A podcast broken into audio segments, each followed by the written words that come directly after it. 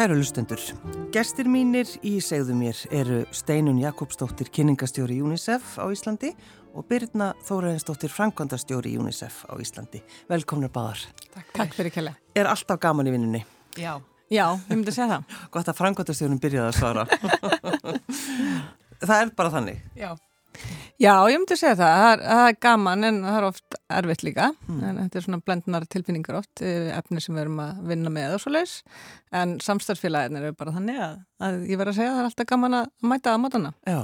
Já, og svo er það líka bara ákveðin tegund af ánægu að vera í starfi sem ég líti á mikil forréttind að vera í að það gengur mikið á í heiminum en við erum í aðstöðu til að gera eitthvað í því mm -hmm. og það veitir sérstaklega ánægi inn í daginn á hverjum degi. Já, Birna, af hverju fórst þú í þetta starf? Ég hef bara alltaf verið þarna sem manneskja og sem námsmaður og, og í mínu starfi. Ég fór snemma í stjórnmál og með áherslu á alþjóðstjórnmál og byrjaði á að sérhafa mig í öllu sem snýrað svona jafnbrettisvinglum átaka, uh, konur stríð og öryggi var svona svið sem að ég syndi mjög mikið. Mm.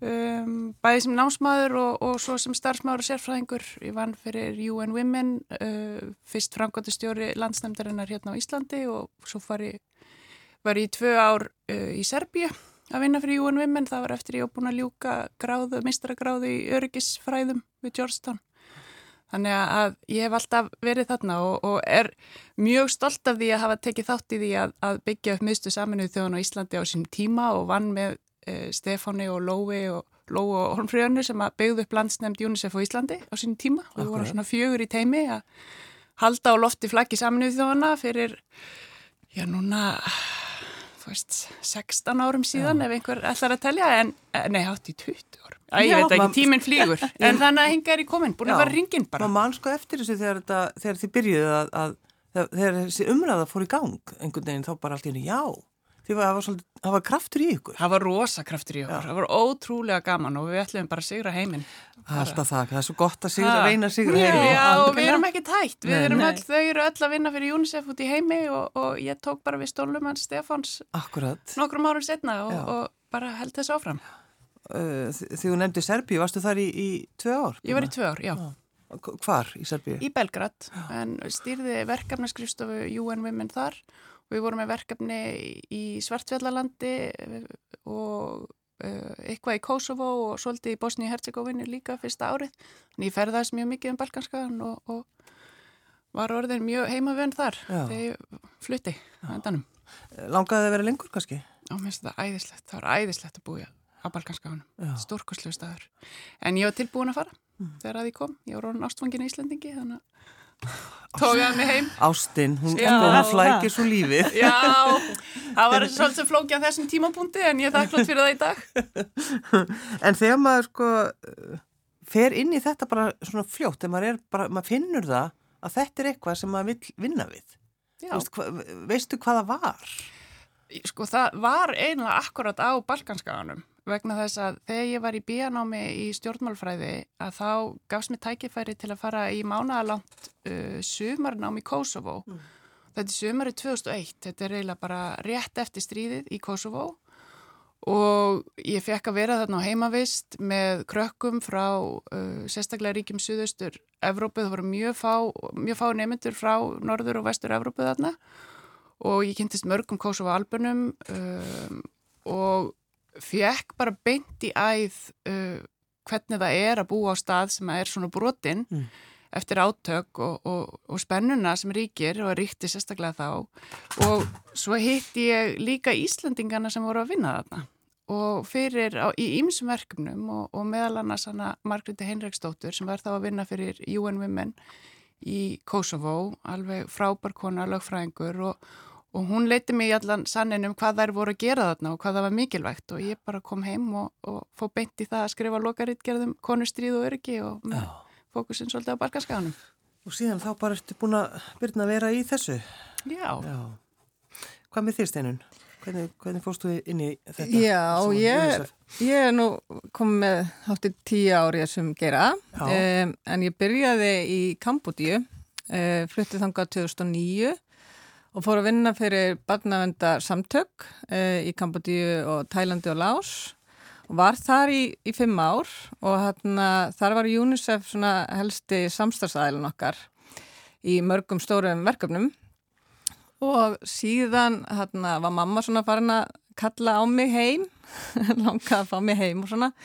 Og þá bauðst mér starf hjá UNICEF á Íslandi og það er eitthvað svona sem að kemur ekki upp á hverjum degi þannig að ég eiginlega gæti ekki annað heldur en að, þykja það Já. og ákvaða að, að koma koma heim í kuldan já, frá, frá sólinni í Kambodíu. Sko þú, þú veist, Birna, já ég var í uh, Serbíu, þú kemur, já ég var í Kambodíu, maður, já ég fór Kanari, já, æskliði, þetta er sko, þetta er eitthvað svo, þetta er svo ótrúið líf, sko, þegar þú ert í Kambodíu. Já, ég fór þanga fyrst sko bara sem bakbókaferðalangur og ætlaði að taka hennan Suðaustur Asju ring og En ég heitlaðis bara svo af Kambodíu að ég, ég fór ekkert lengra en, en þar Já. og ég var þar alveg í einhverjar 5-6 vikur að, ferðast og var eiginlega bara þar strax bara ástangin af landi og þjóð mm. og, og vissi að þanga langa með að, að fara aftur og fór í mastersnám í, í Dublin á Írlandi og ákvaði að gera lokaritgerna mína í Kambodíu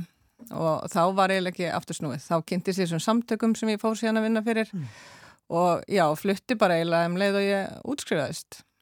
Og um hvað skrifaður þú?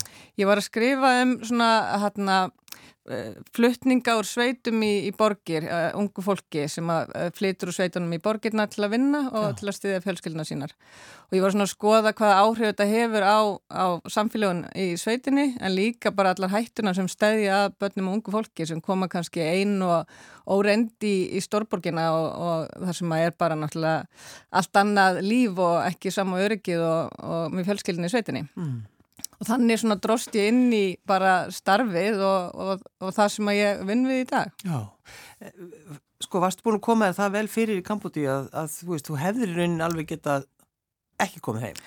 Já, algjörlega og ég hef alveg getað verið þar bara ennþá sko Já. og ennþá mikið af, af góðum vinnum þar sem ég er í, í reglulegum samskiptum við og einmitt svona í gegnum COVID er búin að vera svona áhugavert að heyra hvernig heimsvöldurinn hefur á, á líf fólksins þar, þar sem að er bara alls ekki sama öryggi og svona vinnu og atvinnleysbætur eða lókunastyrkir, það er bara ekki til, til staðar. Nei, nei. Þannig að það er búið að vera svona, þú veist, erfitt en, en gott að heyra bara hvernig, hvernig þessi heimsvöldur hefur haft áhrif á, á fólki þarna mm. og, og ég hlakka eiginlega bara til að að fara aftur út og, og hitta gamle vinnu mína og, og, og sína manninu mínum og dottur hvað hva ég bjóð hérna í, í fleiri ár. Já, UNICEF, uh, sko, hvenar, hvenar byrjar þetta? Hvenar byrjar starfið? UNICEF byrjar bara sem viðbrað við mikillin neyð barna og hvenna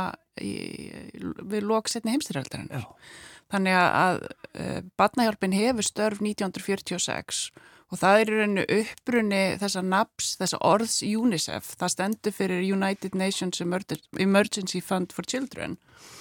Og, uh, og er bara fyrstum sinn að tryggja, uh, eins og ég segi, bara blá fátakum og, og börnum í, í áfalli eftir þessar hörmungar setni heimstyrjaldarinnar, tryggja þeim næringu, tryggja þeim liv, sjúkragögn, mentun, skólagögn um, og svona helstu nöðsinar og fyrst í Evrópu og svo uh, ferða að tegja sig til, til Asju þegar líður á, á sjötta áratíðin og svo 1953 er þessu komið svona varanlega fyrir inn í, inn í regluverki mm. saminuð þjóðana.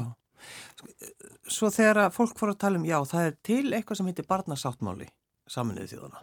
Já. Þegar að, það, það fór að, þú veist, við fórum að ræða þetta alls saman. Já, það er núna sá mannrettindasáttmáli í heiminum sem hefur verið staðfestur, hefur fengið hvað mesta staðfestingu og yfir 190 ríki held ég að séu aðlar að samningnum og, og nokkur fjöldi ríkja og þar með Ísland hafa beinlinnis lögfestan, þannig að ákvæða hans eru, eru lög uh, hér á Íslandi sem skiptir mjög miklu máli Já. og verkefni UNICEF er að styðja ríki í því að innleiða þennan sáttmála til að tryggja að öll börn búið við jafna rétt. Já, og svo auðvitað veitum við það, það bara, það gengur ekkit alltaf upp. Nei, þetta er ærið verkefni, Já. þetta er ærið verkefni og ég held að heimsfaraldurinn vegna COVID hafi uh, gefið okkur svolítið skýrt og, og sársökafullt uh, skýringadæmi eða svona dæmi um það hvernig um, börn og, og þarfir þeirra eru settar til hliðar. Um, fókusin í faraldrinum var á veikindi fullarins fólks, á bólusetninga fullarins fólks og áhrif á efnahag og allt eru þetta mjög skiljanlegar áherslur. En börn voru í raun falin fórnalum þessa faraldurs. Vegna þess að þegar verslið þá var 1,5 miljardur batna tekin úr skóla. Og mentin eru mannréttindi batna. Já. Það er ennþá um, hvað var, var það ekki um Jú, þriðjungur? þriðjungur skólabarna í heiminum býran í löndum þar sem eru einhvers konar raskanir á skólastarfi. Já. Og það er náttúrulega bara tæki og tól til fjarkenslu er, er mjög mismunandi eftir, eftir löndum og eftir bara sveitum eða borgum. Þannig að það að, að skólar lokuðu hefur haft alveg gífurlega alvarlegar eh, afleðingar fyrir börn og bara mjög mikil hætta á að, að stór hluti barna eigi kannski ekki afturkvæmt í, á skólabekk. Þetta er svona eitthvað sem að einmitt þarf að minna mann á. Já, þetta þarf að minna á og svo er það öll þessi sko, þessi önnur áhrif þegar að, að fátækt eikst á heimilum sem hefur verið reynaflegging þessa faraldurs að þá fækkar bjargraðum fjölskyldna og hvað gera þau? Þau taka börnin úr námi, þau sem eru mjög erfiðri stöðu, þau setja börnin í vinnu, þau gifta þau út úr fjölskyldunni. Þannig að við erum að sjá sko mikla aukningu og, mikil, og sko mikla aukninga á öllum þessum trendum, barnahjónabönd, barnaþrælkun, börn ekki að snúa aftur í skólastofunar um, og svo er það líka bara þessar reglubundnu bólusetninga barna sem sátu á hakanum á meðan heilbreyðistarsfólk út um allan heim voru ekki búin að fá sína spröytur við COVID. Nei. Þannig að, að, að það eru áhyggjur af sko aukningu í mislingafaraldri, berklum, mænusótt og þessum sjúkdómum sem við höfum náð mjög miklum árangri á síðustu árum og áratugum í að hemja. Þannig að sko fólki sem starfar í, í, í þessum geira er að horfast í augu við möguleikan á sko áratuga afturkvarfi út af þessum tremur árum sem að, að við höfum staðið í þessum faraldri. Emmett. En Steinun, með heimsfóreldrana, Já, uh, við erum alltaf að reyna að vera sko, efsta sæti í öllu, vera, hérna, vera methafar. auðvitað. Hvernig gengur okkur uh, að, að, að vera þar? Með heimsfóröldra. Já, Við eigum náttúrulega heimsmet já, í heimsfóröldra. sjálfsögðu. Með að við höfðatölu. Já, ég verði ekki að kvísa það. En hérna, nei, við erum náttúrulega bara svo lánsum að, að eiga eh, bara frábæran hóp af fólki sem að hefur skrásið sem heimsfóldra hjá UNICEF. Þetta er yfir 25.000 manns Mm. sem að styðja starf UNICEF uh, mánuðarlega. Hvað er það mikið? Hvað þarf fólk að borga? mánuði? það bara er un- undir hverjum einum komið, sko. Það er, það er engin svona sérstök upphæð sem að við setjum en, en fólk er kannski að borga um 3000 krónur á mánuði, sumir aðeins meira, sumir minna. En, og- en bara þetta, þú veist, þrjúðu skall á mánuði. Já. Það, það, það skiptir máli. Ja, bara algjörlega. vegna þess að við erum svo sterk þegar við erum saman, Já. sjáðu til. Þannig að UNICEF á Íslandi sendir á hverju ári uh, yfir halvan miljard króna Mm. út í, hérna, í starf UNICEF Erlendis. Þannig að sko innan UNICEF alþjóðlega erum við þekkt sem bara alveg sérstök stærð Já. vegna þess að við erum svo ótrúlega sterk í krafti þessa fjölda sem við þó erum Íslendingar. Já. Þannig að, að þessi íslenski heimsforeldrahópur er bara einstakur að heimsmæli hverða. Við verðum bara að fá að segja það. Já, algjörlega og mikið af, af heimsvöldum sem hafa bara verið lengi og eru til að stolt af því og maður finnur það og það er svo gaman að fá þú veist, þakkir við fáum töluposta frá eitthvað sem hafa verið í tíu ár og, og finnst gaman að, að vita að þau séu mitt með þrjúskronar framlagi að, að, að gera alveg ótrúlega mikið. Já, það, það, er svona, kemur, það er svona einhver góð tilfinning. Já, vegna þess að hvað gera heimsforeldrar? Þau eru akkurat að tryggja það að UNICEF getur brúðist við þessum áskorunum sem við vorum að fara yfir áðan. Já. Þannig að fjármagnið sem að kemur frá heimsforeldrum, það fer akkurat í reglubundna bólusetningar en líka í úrræðin þegar skyndilega kemur upp mænusótt eða mislingar eða berglar og fólk þarf að hlaupa til og bregðast við skjótt að þá er líka farið í það fjármagn. Þau Mm. er að tryggja að börn hafi tækifæri til mentunar út um allan heim. Þau eru að, að tryggja það að börn séu ekki sett í vinnu eða gift ung og ef svo er að mæta börnunum þar sem þau eru og til dæmis að, að, að bjóða upp á úræði til mentunar. Þau séu kannski gift og komið með börn að þá erum við samt, við höldum áfram að, að styðja þau til þess að taka ákvarðanir um, um sitt líf og, og, og, og geta átt tækifæri til velferðar um, og heimisfóreldra voru sömu leiðist til staðar þegar átökinn brutist út í Úkrænu og, og treyðu það að UNICEF hafði þegar verið að störfum í Úkrænu þegar Kastlós fjölmjöla var ekki þar síðustu átta ár. Mm. Þar hefði verið átök og UNICEF hafi verið að tryggja bæði sálgæslu og mentun og, og bólusetningar á þessum svæðum í austurluta Úkrænu og stökk til og stækkaði allt viðbrað á já. þegar átökinn brutist út. Svo líka, þið hafið einmitt mynd okkur á Jemen uh, og það er náttúrulega kannski það sem er, það er svolítið bara, það er erfitt að tala um það. Já, en mjög mikilvægt Já. að tala um Jemen og hérna það er náttúrulega búið að vera einn mesta mannúakrisa í heiminum í, í fleiri ár og hérna og þar hefur Kastlursfjölmjöla oft verið á Jemen en svo horfið og komið og horfið. En þarna til dæmis eh, skiptir, skiptir framlega heimsfóldra svo miklu máli að því að eh, sama hvað, eh, hvað sapnast mikið í neyðarsöfnunum eða slíkt þá eru heimsfóldrar alltaf til staðar fyrir börnin í Jemen. Og er- gera UNICEF kleift að meðhendla börn sem eru bara að deyja úr vannaríku. Og er, er ekki, þið talið um þetta sko að, að Jemen er hann er talið einn versti staður á jörðinni til þess að vera barn. Já, það er bara svolítið þannig, til miður. Já. Og bara náttúrulega ár, mörg ára af átökum og efnahagsrun hefur bara lagt landið svolítið mikið í rúst. Já. Það er ennþá verið að sprengja í Jemen. Og svo kemur náttúrulega áhrif eh, COVID, mm. það er náttúrulega áhrif þess er í Jemen eins og annar staðar og hann, hann er fátækt, hefur aukið skífulega og emmitt fólk hefur verið hrætt við að fara á helsugjastluna með börnin sín sem eru veik vegna, vegna vannaringar, hrætt við að fara með börnin sín í bólusetningar. Þannig að þetta hefur haft rosalega mikil áhrif þar. Já, en það sem þið ætlaði að gera núna þessa vikuna, það er, þeir byrjuðuð bara sí, síðust viku eða? Já, með við byrjum í síðustu viku Já. og, og, og erum núna í, í átaki að fjölga heimsfóröldurum Já. vegna þess að verkefnin hafa aldrei verið fleiri. Nei. Nei. Já, það er bara þannig, þeir Já. hafa aldrei verið fleiri. Aldrei verið fleiri. Það lág fyrir við upphaf þessa árs að staða mannúðamála hafði aldrei verið veri Mm. en við upphaf ársins. Uh, réttindi batna, uh, stað þeirra hafði ekki verið veri í 75 ára sögu UNICEF. UNICEF vissi að það var að fara í risa átak til þess að vinda ofan af þessum erfiðu afleðingum heimsfaraldursins Mhm. á réttindi batna og svo bröst út stríði í Ukrænu. Já, það, það, að því hún nefndir þetta mitt, það eru 75 ár, það er, það er afmælis ár þá núna. Já, það var í fyrra. Var í Já, í fyrra. desember í fyrra. Já, já, já. Og þið ætlaði að eh, svona, minna okkur á það að, að, að sapna uh, og þá vera gleði og, og vein útsending hjá okkur uh, á lögadaginn. Já. Uh, það er eitt lag sem, að, sem, þið val, sem þið völdu til þess að hafa Emmi. og að því að við þurfum alltaf að hafa kátínu líka í, í, í svona bland við það sem við ætlum að fara að tala um í þessari útsendingu og það er Disco Frisco. Já. Akkur veldið það?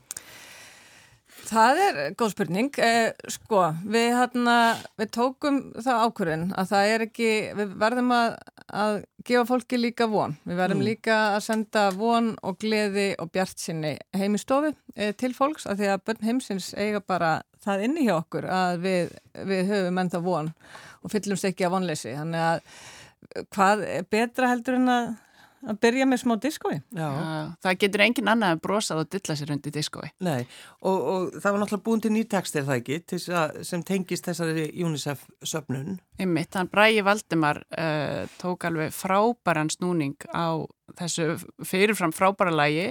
Uh, hann Stefán Stefánsson sem samti lægið gaf okkur góðfúslegt leifi til þess að endurnýta það í, í þessum tilgangi og við erum ótrúlega þakklátt fyrir og, og við heldum að þessi komið mj mjög skemmtilegt uh, nýtt líf fyrir Já, Frisko. Já, akkurat. Ef Hann er með stoltur hensfóldri, hann Stefán. Já, Þannig að akkurat. Hann var ánæður að fá að vera með.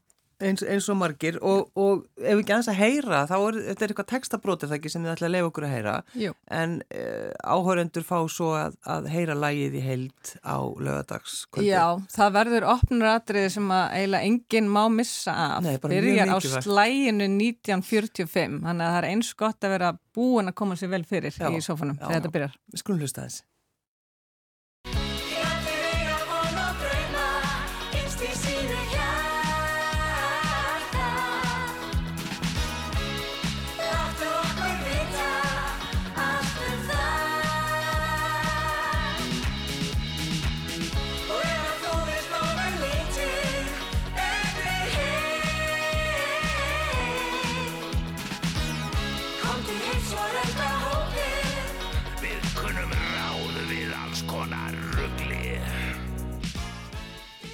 Var að segja frá því að þetta er stjórnaforma UNICEF á Íslandi, Óttar Proppe sem á þarna stjórnu innkomi.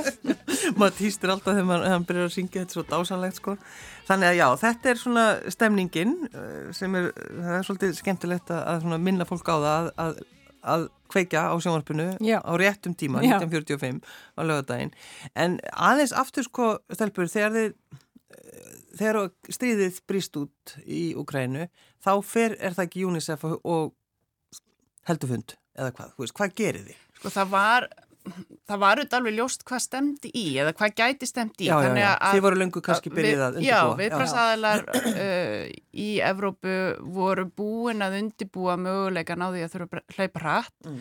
Þannig að- að bæði var búið að fjölga starfsfólki uh, á svæðinu. Það var búið að, að fara með neyðavistir inn í landið og dreifa því uh, á valda staði sem sagt viðsvegur um landið þannig að þau voru fljótari að, að hlaupa til þegar að, að þegar og ef að virði og, og það var nú raunin að þess þyrti og, og, og þá var hlaupi hratt og það var meira þess að strax eh, bætt við skrifstofu í landinu, það eru núna fimm skrifstofur í UNICEF í lands, landinu og, og kollegar okkar þar er að vinna bara alveg ótrúlegt starf dag og nótt uh, við að, að, að tryggja bara vernd og réttindi batna eins, eins vel og hægt er undir þessum erfiðu kringumstæðum.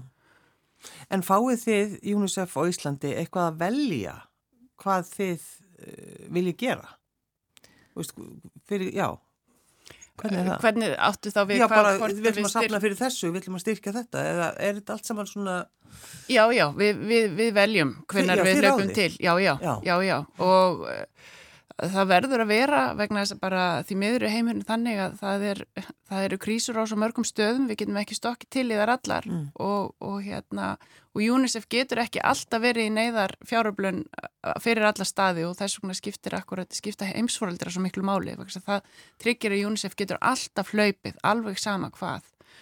Um, þannig að, að já, við, við ráðum því en, en það bara blasir við að, að það þarf að styðja við starfi í Úgrænu og þetta er líka, þetta er fordæmalöst staðan sem er uppi í Úgrænu og í London þannig kring, hún er algjörlega fordæmalöst, þessi mikli fólksflótti á svo stuttum tíma um, neyðin inn í landinu er svo mikil, svo Þú veist, við erum að horfa á tölur eins og sko, meira en annað hvert barn í Úkrænu er að flóta. Já. Af 7,5 miljón barna eru rúmar 4 miljón, þau líklega 4,5 miljón barna búin að flýja heimili sitt. Bara á síðasta mánuðinu. Um, það eru 6 miljónir íbúa í landinu að minnstakosti sem búi við ótryggt aðgengi á hreinu vatni. Og það er af 1,5 miljón sem býr við engan aðgangar hreinu vatni. Þetta gerist bara á mánuði. Þetta er algjörlega fordæmalöst og þetta er uh, í rauninu svona starri og bráðari krísa en við höfum ofta áður séð. og það er einhvern veginn sko að upplifa þetta og sjá sko bara börnin okkar á Íslandi, hvernig þau er að upplifa þetta og, og ótti og reyði bara við það að fylgjast með fréttum. Já, það, það er svolítið stert að, að, sjá það. Einmitt, þetta er náttúrulega í frettum allstaðar og, og, hérna, og þetta er líka náttúrulega eh, svona breytt frá því áður að þetta er svo mikið á samfélagsmiðlum og það er mikið á, á TikTok og, og slíkt sem að börn hafa náttúrulega aðgangað og þess vegna er ótrúlega mikilvægt og við höfum sendt frá okkur svona leifinningar eh, að það er mikilvægt að, að ræða við börnin um stríð og það sem að þau er að sjá.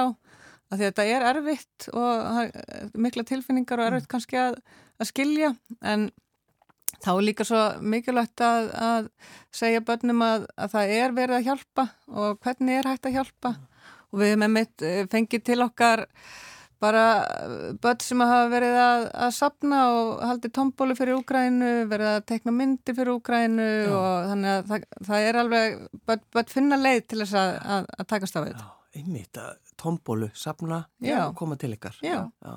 Já, vegna þess að sko átök snerta alltaf börn. Það eru alltaf börn sem að deyja í stríði, það eru alltaf börn sem fara að flóta í stríði, það eru alltaf börn sem fá bara áfall, þurfum ekki sálræna stuðning til að vinna úr þessari lífsreynslu. Og sko það er eh, svona sérstatt verkefni sem að UNICEF er vakandi við núna og er að setja miklu orku í úrræði við og í samstarfi við þá stjórnvöld bæði í Úkrænu og í nágrannríkjunum og það er bara batnavendin, þessi mikli fjöldi batna á flótta setur þau í svo sérstaka hættu og, og, og, og, sko þetta eru fyrst og fremst konur og börn sem eru á flótta og það eru bara hópar sem að eru í sérstakri hættu á því að, að bara lenda hreinlega í klónum á glæparhingjum og ofbeldis fólki sem sér tækifæri í því að, að misnota neyð þeirra. Og á sko þryggja veikna tímabili þá komu, voru skráð sko 500 fylgdalösbötn inn í Rúmeníu og Rúmeníu er búin að fá svona cirka einn fjórða af þeim fjöldaflóttamanna sem hefur til dæmis farið til Póllands og þá eru við ekki að tala um öll bötnin sem hafa líka farið til Slovaki, Ungverilands, Kvítarúslands og Rúslands þannig að, að uh, það er ótrúlega mikill fjöldi batna á flótta, þau eru mikill hættu, það er mikill hættu að þau veri bara að aðskilja út af ymsum aðstæðum við uh, sína fjölskyldu sem þau eru að flýja með. Og þegar þau eru orðin fylgdalaus þá eru þau í sérstaklega hættu. Þannig að um, hér er UNICEF að setja alveg sérstaklega mikla krafta í að auka árverkni, árverkni uh, tryggja sé fjöldi sérfræðinga að starfa á öllum að landamæra póstunum að tryggja að allir sem fari gegn síðu skráðir vegna þess að, að skráningin hjálpar við fjölskyldu saminningar og að rekja fólk saman þannig að, að hérna og tryggja að bara enginn týnist og hverfi. En sko þegar maður hugsa bara um heiminn og, og, og þið náttúrulega Steinun og Birna er búin að vera undirbúa þessa söfnun, heimsfóraldra söfnun og í miðri, miðjum undirbúningi þá kemur stríð sem er sko þannig að maður getur, maður getur snertað svo stutt frá okkur. Ekki það skiptir máli að sé stutt, þetta er bara að það kemur bara stríð. Og, og þá allt í nú verðið að fara að hugsa allt upp á nýtt þannig að þið ætlið er það ekki að leggja meiri áherslu á Úkrænu í þessari söfnun. Jú, við, hérna, við rauninni bættum, bættum bara í, Já, bættum við, já. því að hérna, áhrif heimsfaldur sinns á börn eru ennþá jafn alvarleg og þannig að við sínum mikið af, af sögum og fjöllum um það. En við bættum við umfjöllunum um Úkrænu, uh, sína hvernig uh, UNICEF og heimsfaldrar eru að hjálpa þar og, og, og hver þörfin er og ákvaðum að framlög fyrstu þryggja mánada nýra heimsfaldra renna beint í neyðraðgerir UNICEF í Úkrænu og í nágrannríkjunum, þannig Já. sem fólk er að flýja. Já. En hvað ætlið þið að fá marga heimsfóreldra á lögadaginn? Við erum búin að setja tölun á 2000, uh, ég er þér og sána með 5000, Já, engin pressa. engin pressa. Nei, við viljum líka hérna, nýta hana þátt náttúrulega í að þakka núverandi heimsfóldunum okkar og, og hérna, því sem að þau hafa gert mm -hmm. senustu árin með okkur og sína þeim hvað framlæði þeirra skiptir miklu máli. Þannig að þetta er bæði náttúrulega viljum við fjölga þessum frábæra hópi að það er gott að vera heimsfóldri en líka sína, sína þeim sem eru nú þegar bara hvað, hvað þetta skiptir allt miklu máli. Og það er svona áhersla hjá okkur í þessum þætti að við erum ekki bara að sína vandamálin vegna þess að það er engin bættar á því að, að sjá bara vandamálin við erum líka að sína hvað er hægt að gera og hvað er verið að gera og hvað árangri er hægt að ná fyrir tilstöðlan heimsfólaldra Já, þannig að við fáum einmitt líka uh, fallegar sögur. Já, Já. Já, það er mikilvægt að, að sjá lausnirnar og, og, hérna, og skilja hvað er verið að gera. Já. Og það því við erum búin að tala um uh, bæði Úkrænu og Jemen og það, það svo er það náttúrulega Afganistan er það ekki? Jú, við förum uh, til Afganistan, það er náttúrulega ástandið alveg skelvilegt líka. En við flökkum að þessum heiminn og förum til Bangladesh, við heimsækjum Indonésiu og Sierra Leone og, og Malawi sem dæmi. Já. og sínum svona sögur frá uh, bönnum og, og, og hvað, hvað heimsfóldurinn hefur haft, að- nei heimsfaraldurinn, eh, hvaða áhrif hann hefur haft á, á líf þeirra og hvað, hvað verið er að gera. Já, en sko ef þið ætla að safna 2000 heimsfóreldrum, ég meina 5000, Já, er það, er ekki meira, er það ekki lógiskara? en mér finnst það. Já, ég held það sko. Já. Jú, Já, það væri frábært. Ég held að ef, ef fólk sest fyrir framann sem var skjáin eh, og með fjölskylduna, þetta er kvöldstund fyrir alla fjölskylduna, það er hérna við erum að hafa líka gaman og, og það verður gleði og það verður óvendar upp að koma og tónlist og, og slíkt. Að ég held að það sé erfitt að ringja ekki og skrá sig. já, já. Og líka, sko, heimurinn bara þarf 5.000 heimsfóreldra í viðbúnd. Það er bara þannig. Já. Og sko, eitt af því sem að gerir það gleðilegt að eiga heimsmet í fjölda heimsfóreld, heimsfóreldra er að, hérna, ég heyrði einn kollega minn í, hjá UNICEF í Genf, hann sagði, sko, hann finnst svo æðislegt að sína glæruna þar sem íslenska súlan er sko langsamlega efst og svo koma allir hinnir í, þú veist, ég held að við séum með eitthvað 15 og næsta ríki og eftir er með 5 og svo eru þau þarna eitthvað 5, 4, 3 eða eitthvað svo leis Já. og hann sagði, sko, ég elska sína þessa glæru hún sýnir hvað er hægt og þetta erum við Íslandingar að gera við erum að sína hvað er hægt hvaða geta margir tekið þátt í þessu risastóru verkefni En akkur ætla þetta að sé, akkur eru við svona framalega í þessu? Ég held bara að Íslandingar, eh, sko, við erum auðvitað búum við alveg einstaka velsælt, um, en það eru margir sem búa við mikla velsælt og gefa ekki af sér. Nei. En það er eitthvað hjá okkur sem að, að gera það að verkum. Að Íslandingar eru bara einstaklega duglegir við að styðja góðan málstað og, og, og gefa af sér það sem hægt er. Já, og, og svo má náttúrulega ekki gleyma því, sko, UNICEF er fyrir öll börn. Já, Það má heldur ekki, má ekki gleyma því. það má alls ekki glemma Nei. því. Því öll börn eiga auðvitað sama rétt Já, og, já. og það er það sem við erum líka að fjalla um í þessum þætti og, og sína frá. Já. Þarf að minna okkur á barnasáttmálan stundum. Alltaf. Já. Alltaf. Og við erum til dæmis sko, í mjög viðamiklu starfi hérna á Íslandi í samstarfi bæði við sveitarfjölög og, og, og skóla og, og erum í góðu samstarfi við núna saminað ráðuneti menta og barnamála en uh, við erum að styðja við innleggingu barnasáttmálans í 20 sveitafélögum. Það er helmingur allra barna á Íslandi býr sveitafélagi þar sem er verið að markvista innlega barnasáttmálan. Það þýðir að, að starfsfólki er að fá fræðslu um ákvæði sáttmálans og að, að stíga skrefin til þess að tryggja að sveitafélagi starfi þannig að það sé verið að virða þessi réttindi barna. Það eru þetta þá sérstaklega og þetta líka við í, í réttindaskóla verkefnunum. Uh, ein af svona uh, grunn reglunum í, í barnasáttmálanum er virðing fyrir skoðunum barna. Þau hafa rétt á því þau hafa rétt á því að hafa skoðun á málefnum sem varða þau. Og það eru okkar fullorðna að tryggja að þau fái sko upplýsingar, réttar upplýsingar sem hjálpa þeim að leggja mat á þessar aðstæður og geta tekið uh, afstöðu. Og það er líka okkar að hlusta hlusta og, og fylgja því eftir. Og hérna og bara frábært sko frábært dæmi, oft er það sko litlu dæmin sem að hérna segja stærstu sögurnar. Og þetta er svona smá spoiler eða, eða höskuldar viðvörun uh, fyrir sjónvarsþáttin en við erum með mjög skemmtilegt einslag úr Vesturbæðaskóla sem er réttindaskóli, við ætlum að sína það í þættinum. Og þar segja þau til dæmis bara frá því að, að það þurfti svona hugmyndakassa batna þar sem að þau eru að koma hugmyndum á framfæri um hvað mætti betur fara í, í matsalum til þess eins að fá að hafa salt og pípar í matsalum. Það þurfti að sti- spyrja börnin, Já. já, okkur, við viljum hafa salt og pípar í og matsalum, hver vill ekki hafa salt og pípar í matsalum? Þannig að þetta er bara, þetta er rosa lítið dæmi en það segir samt svo margt. Við Já. eigum að tala, börnin, tala við börnin og gefa þeim tækifæri til þess að hafa áhrif á umhverju sitt. og hlusta. Steinun Jakobsdóttir, kynningastjóri UNICEF á Íslandi og Birna Þóraðinsdóttir, framkvæmdastjóri UNICEF. Uh, takk fyrir að koma og Takk ég bara, við hvetjum alla til þess að horfa á lögadaginn á sefninu þáttin. Takk fyrir að koma. Takk fyrir okkur. Takk hella.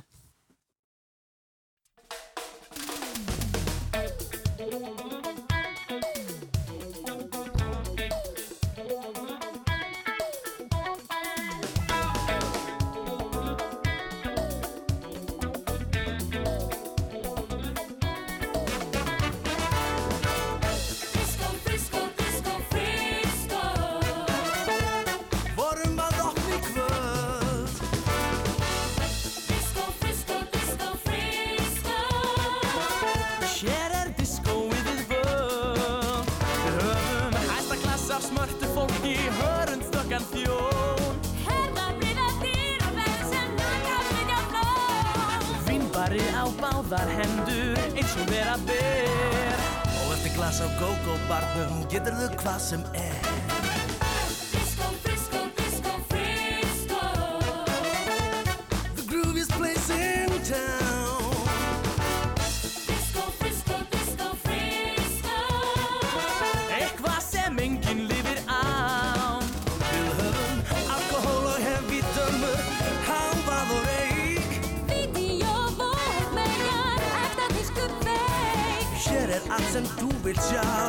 sem þú mun þrá Og á morgun manstu ekki Hverjum þú svafst hjá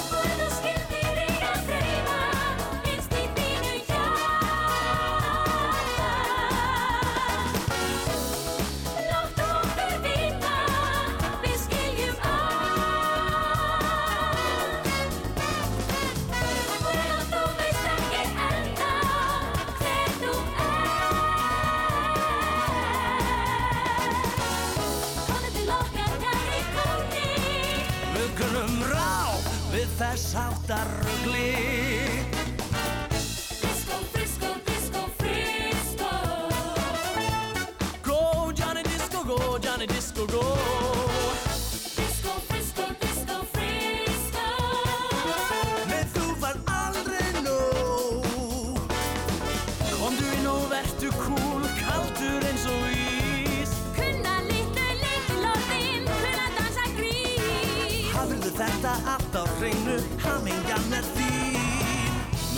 aðeins að mæta ofta Þú veistu söknum þín